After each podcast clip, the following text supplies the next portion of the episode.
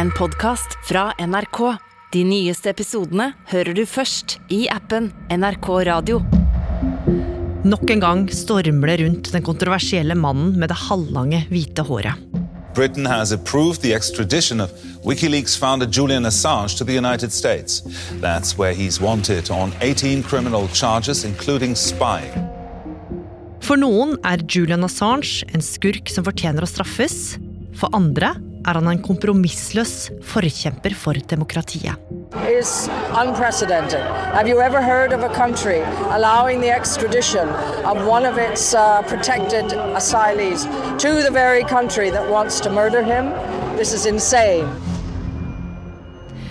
Hvem er egentlig denne mannen? Og hva er det han har gjort som har ført til at han har vært på rømmen i årevis?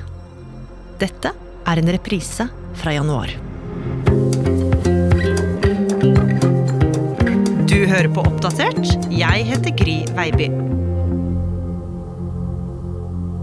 Det er eh, 2010, og USA er langt inne i en kontroversiell krig med Irak, da det plutselig en dag dukker opp en helt spesiell video som skal sende sjokkbølger gjennom verden.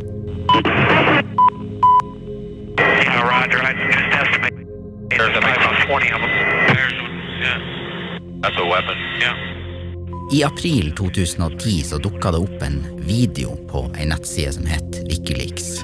Videoen var veldig spesiell, for den var noe man aldri hadde trodd at man skulle få se. Den var hemmeligstempla, og man skulle normalt sett ikke få vite det, fordi den kom fra innsida av det amerikanske militæret, og stamma da fra krigen i Irak. Videoen hadde fått tittelen av Wikileaks Collateral Murder, altså utilsikta drap eller drap på sivile. Øyvind By Skille, du er eh, journalist i NRK og har i flere år dekka Julian Assange. Og hva var det denne videoen viste? Det denne videoen viste, var hvordan man filma fra innsida av et amerikansk kamphelikopter over Bagdad i Irak, og hvordan det her helikopteret fløy innover et område og ber om å få lov å bombe. Helikopteret får så tillatelse over radiokommunikasjonen til å bombe, og et helt hus blir jevna med jorda av raketter fra helikopteret. Videre så ser man personer som beveger seg, og helikopteret skyter de her personene med kraftige våpen. On, fire. Og man hører soldatene snakke og oppildne hverandre til å skyte dem, skyte dem, nesten som om det var i et dataspill. Come on. Og dette var jo en veldig sjokkerende video, Øyvind. Ja, videoen var veldig spesiell fordi den var jo et visuelt bevis, og også lyden på hvordan krigen ble ført.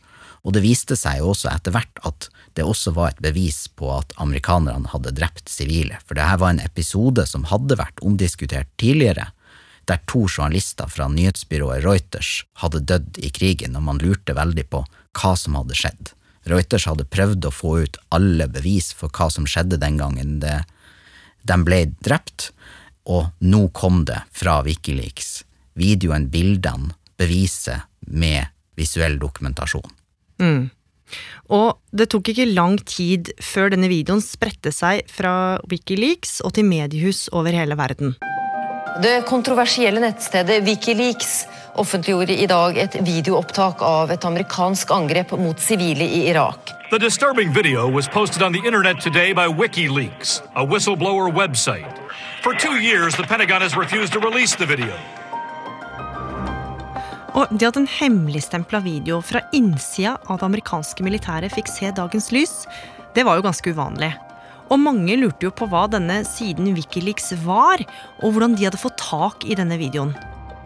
Det viste seg at dette var en eh, side oppretta noen år tidligere av en helt spesiell gruppe mennesker med et sterkt engasjement for åpenhet og informasjon. Og en sentral mann som var med på å starte det, var da Julian Assange. Assange var en eh, hacker, en, en eh, slags nerd fra Australia som hadde drevet med mye forskjellig. Han hadde studert, han hadde starta internett, internettilbyder i Australia, men han drev også aktivitet sammen med andre på tvers av land på internett, der han hacka datanettverk til teleselskaper teleselskaper, andre store selskaper, var faktisk tidligere dømt for det. Nå hadde han fått et brennende engasjement for et nytt prosjekt, og det var det her Wikileaks. De som skulle bidra til åpenhet og avsløre korrupsjon og maktmisbruk på en global skala. Han så for seg det som et stort prosjekt, og han organiserte det sammen med andre over internett. Og de satte i gang da med å samle informasjon i denne slags lekkasje-Wikipediaen, og der kom det informasjon om eh, korrupsjon i Afrika, om eh, hvordan det amerikanske militæret hadde interne regler på hvem som kunne drepes i en krig og ikke, og informasjon etter hvert om eh, fangene på Guantánamo. Amid the thousands of messages from American diplomats published by the whistleblowing website WikiLeaks, some serious revelations, like the King of Saudi Arabia asking the US to destroy Iran's nuclear program. Så har Wikileaks-avsløringene rammet Norge, og Støre spesielt, ifølge Aftenposten. En rekke rød-grønne endringer har irritert amerikanerne, som Norges dialog med Hamas. Wikileaks fikk ny ammunisjon i dag. En tidligere ansatt i en sveitsisk bank har gjort alvor av sine trusler. Han overrakte navnene på 2000 politikere og formuende personer som kan ha unndratt seg skatt. Og måten de fikk tak i dette unike materialet på, var jo ved at anonyme brukere med tilgang til hemmeligstempla informasjon lasta det opp på Wikileaks sin side. Og selv om disse avsløringene fikk en del oppmerksomhet, så var det først i 2010 at Wikileaks og Julian Assange fikk sitt virkelige gjennombrudd. Ja, fordi en anonym bruker tok kontakt med Wikileaks og da Assange og kom med informasjon. Dette var enorme mengder informasjon. Både denne videoen Collateral Murder som vi har hørt om, men også dumpa, altså selve kopien av hele systemene som hadde listeført hvordan krigene i Afghanistan og Irak hadde vært ført. De her databaseinformasjonen viste bl.a. at det amerikanske forsvaret og myndighetene var sjøl klar over at det var veldig veldig mange sivile som døde, men det sa de aldri høyt til media eller andre politikere. Og da Julian Assange og Wikileaks fikk dette, så skjønte de at nå satt de på noe stort. Og ikke lenge etterpå så begynte de å publisere det denne personen hadde sendt dem. Enorme mengder med hemmeligstemplede dokumenter om krigføringen i Afghanistan er nå lekket ut på nettet. Ja, dokument avslører mellom annet at norske soldater skal ha tatt livet av en sivil afghaner. Det meste i dokumentet handler om aktiviteten til de amerikanske soldatene. The White House is condemning the leak of thousands of classified documents about the war in Afghanistan, saying it's illegal and could cause harm to U.S. troops. But could it also change the politics of the war? Og med disse avsløringene hadde Wikileaks for alvor blitt verdenskjent. Store mediehus som New York Times, The Guardian og også norske aviser publiserte lekkasjene fra Wikileaks, og millioner av mennesker verden over fikk nå innsikt i noe som aldri var ment å se dagens lys. Men dette likte nok ikke amerikanske myndigheter, for nå hadde landet fått mye oppmerksomhet for ting de aldri ville skulle komme ut. Så de bestemte seg for å ta grep, og komme til bunns i hvem som hadde lekka disse hemmeligstemplede dokumentene og videoene til Wikileaks. Og ganske kjapt så kom de på sporet av noen, Øyvind. Ja, for i mai 2010 så arresterte amerikanske myndigheter en soldat med navn Chelsea Manning, som de mistenkte for å stå bak lekkasjen. Manning hadde vært soldat i krigen i Irak og vært utplassert i en base der, og hadde blitt stadig mer frustrert over hvordan hun så at krigen påvirka sivile og andre, og det var litt av bakgrunnen for at hun ga all denne informasjonen til Wikileaks. Og den frustrasjonen hadde hun også lufta på chat over internett med en annen hacker enn eh, Assange og det hun ikke visste, var da at denne chatten var nå kommet i hendene til FBI, som da brukte den for å arrestere henne. Og varsleren Chelsea Manning ble fort pågrepet og anklaga for alvorlige militære forbrytelser. Annet for spionasje og for å ha bistått fienden. Men USAs myndigheter stoppa ikke der. Amerikanske myndigheter ønska jo å gå etter alle som hadde vært involvert i at denne hemmeligstempla informasjonen kom på avveie, og Assange var jo den som var med på å starte Wikileaks, og han var også ansiktet utad. Sånn at det de gjorde, var at de starta en hemmelig etterforskning. Han og andre som ble etterforska, skulle ikke vite at de ble ettergått i sømmene, men de ble da etterforska for å ha brutt spionasjeloven, altså bidratt til å få hemmelig informasjon på avveie. Men selv om denne etterforskninga var hemmelig, så begynte Assange å ane at noe var galt. Ja, Assange sa allerede på den tida at han mente at han ble fulgt av agenter fra amerikanske myndigheter. og Folk rundt han, og også journalister som intervjua han, fikk jo inntrykk av at han begynte å bli mer paranoid, og at han var veldig opptatt av det at han kunne bli forfulgt og kanskje putta i fengsel til slutt. Og det gjorde at han reiste mer rundt. Han var mer opptatt av å ikke ha et fast sted, men hele tida bo på et nytt hotell og han var veldig aktiv på å spre budskapet, men på nye steder. Så han besøkte mange land i Europa, og også leita litt etter et sted som var trygt. Ja, og det at han reiste såpass mye rundt på en slags turné og spredte Wikileaks budskap, førte jo til at Julian Assange også fikk en slags heltestatus. Ja, det var jo mange som eh, fulgte han og mente at uh, heia på prosjektet hans. Og han ble også invitert på mange konferanser og til å holde taler og innlegg om prosjektet og om hva som var målet, og alle venta på kommer det noe nytt. I am very pleased to be amongst so many people I can respect.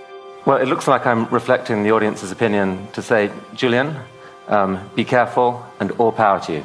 Thank you. Thank you. Men så, mot slutten av seinsommeren 2010, skulle alt snu for Assange. Ja, rundt august 2010 så dukka det opp to kvinner på en politistasjon i Stockholm. De var ikke der for å anmelde Assange, men de var gått dit fordi de begge to hadde funnet ut at de hadde hatt et seksuelt forhold til han mens han besøkte Stockholm, og de hadde opplevd ting som ikke var helt greit, og de var bekymra for at de kanskje kunne ha blitt smitta av seksuelt overførbare sykdommer, og ville be om råd. Hvordan kan vi få han til å teste seg, sånn at vi vet at vi ikke har fått noe? Og da politiet på politistasjonen fikk høre historiene deres om hva de hadde opplevd med Assange, så mente de derimot at her kunne det være snakk om noe som var overgrep etter den svenske loven. Hun ene fortalte at han hadde hatt sex med henne mens hun egentlig sov. Og hun andre fortalte at han hadde tatt av kondomen under sexen, sjøl om hun hadde sagt veldig tydelig fra at det var ikke aktuelt å ha sex uten kondom. Det politiet da gjorde, var at de valgte å starte ei etterforskning av Assange for mulig overgrep eller voldtekt. Og før Assange reiste noe sted, så valgte han å gå til politiet og la seg avhøre. Og det var ei etterforskning som pågikk, men før den ble avslutta, så hadde han reist til London. Derfor så måtte svensk politi sende ut en internasjonal arrestordre og be britene om å arrestere han. Grunnleggeren av varslernettstedet Wikileaks ble i dag fengslet i London.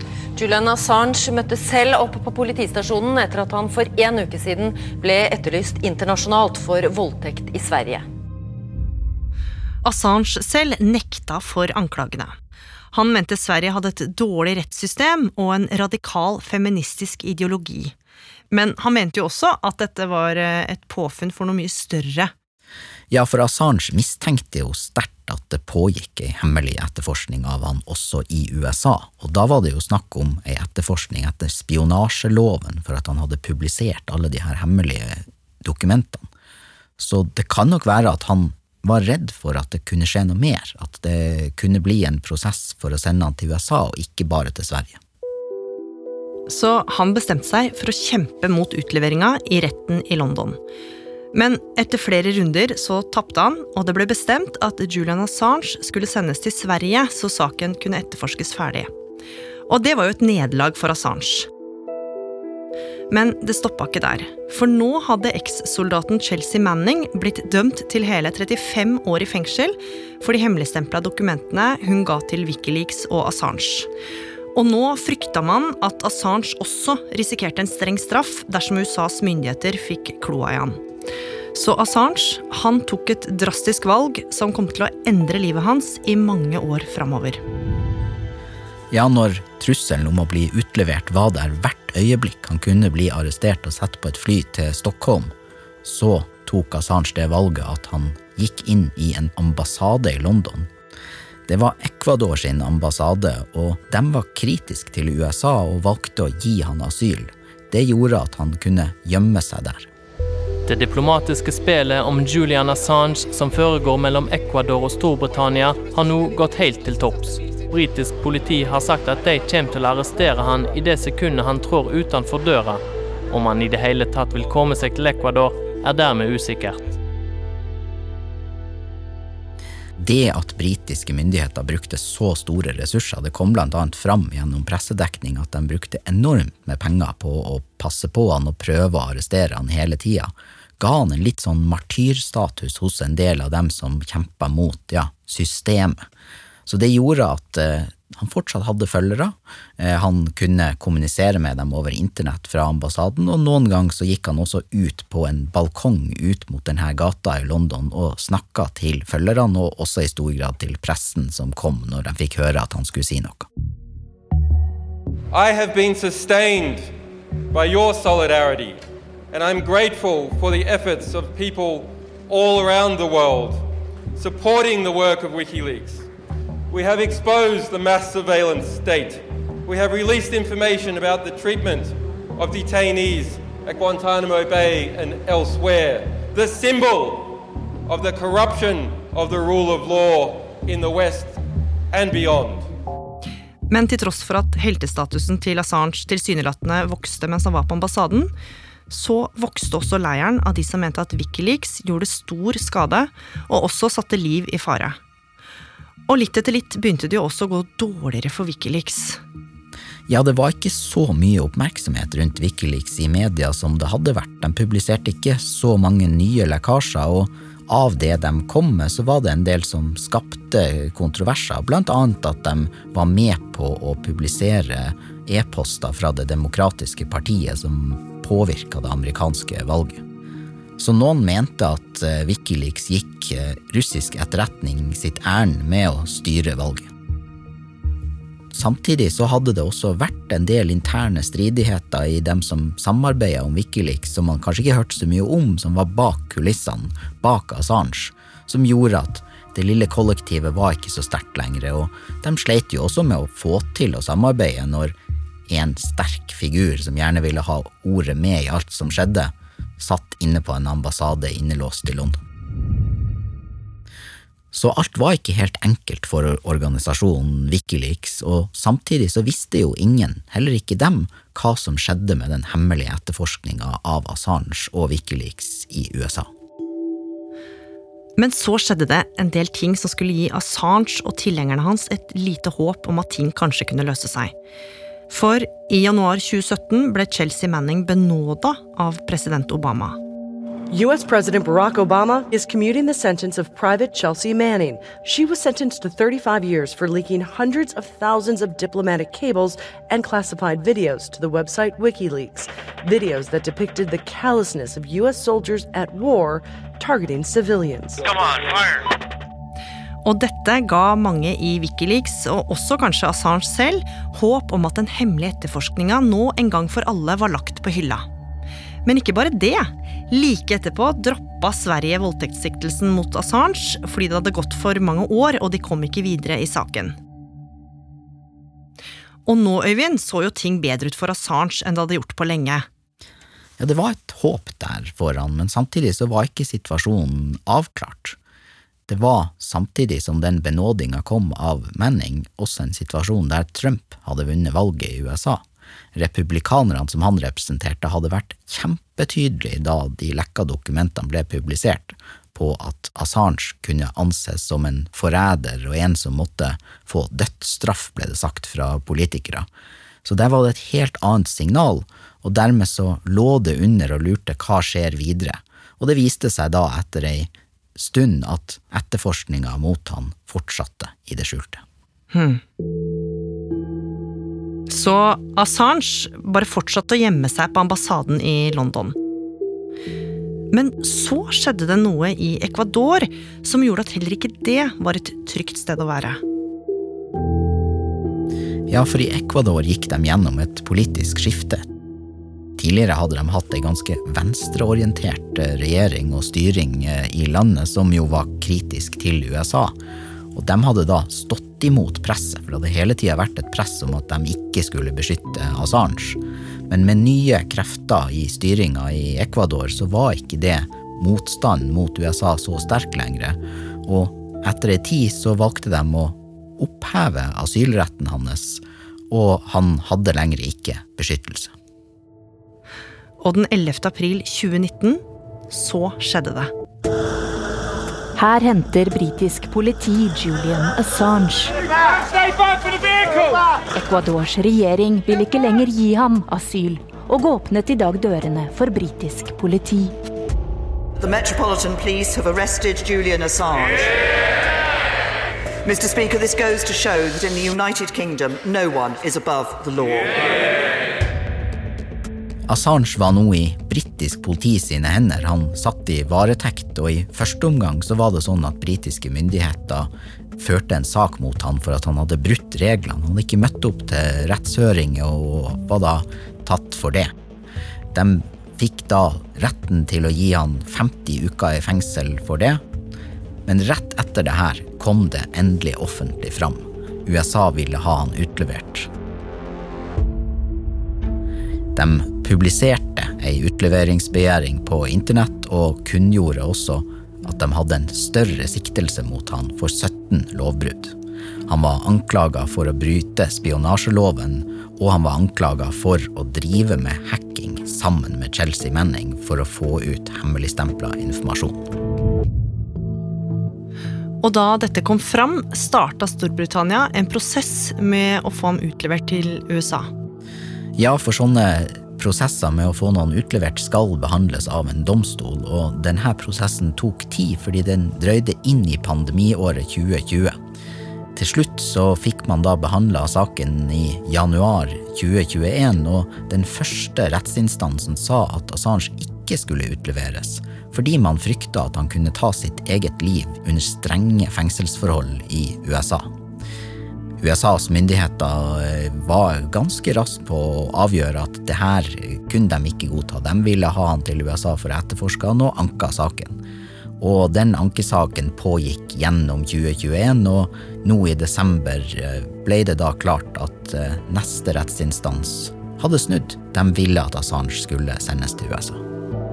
A British court has opened the door for WikiLeaks founder Julian Assange to be extradited to the United States. Two senior judges ruled that he should be extradited to stand trial in the US to face espionage charges for publishing classified military documents relating to the US wars in Afghanistan and Iraq. Men det at Assange nå er sikta, og sannsynligvis blir utlevert til USA, det har skapt eh, reaksjoner. Ja, og det knyttes jo også til hva som har skjedd underveis i prosessen, fordi da han første gang ble begjært utlevert, så var det etter en siktelse knytta til at han skulle ha hacka. Mens underveis i prosessen så har USA lagt på mange flere punkter i siktelsen som også knytter seg til at han har publisert informasjon.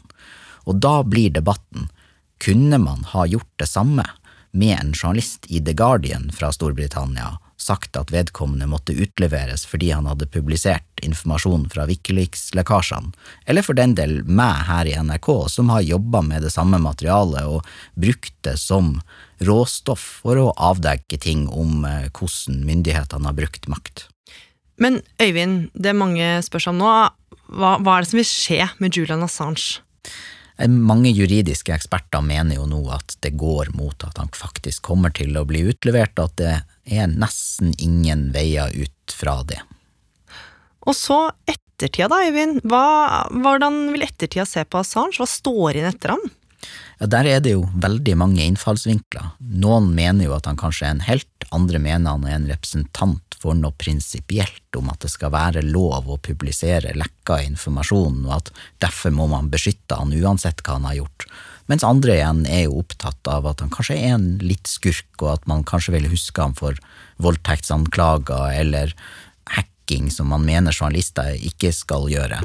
Så Kanskje både helt og kanskje skurk. Det kommer an på hvem du spør.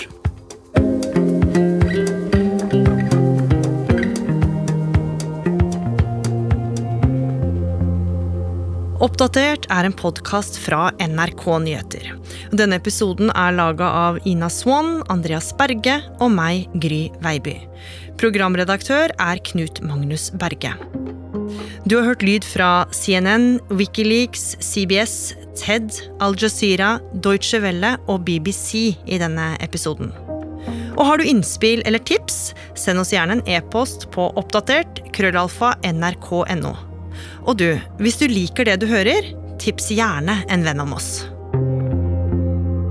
Du har hørt en podkast fra NRK. De nyeste episodene hører du først i appen NRK Radio.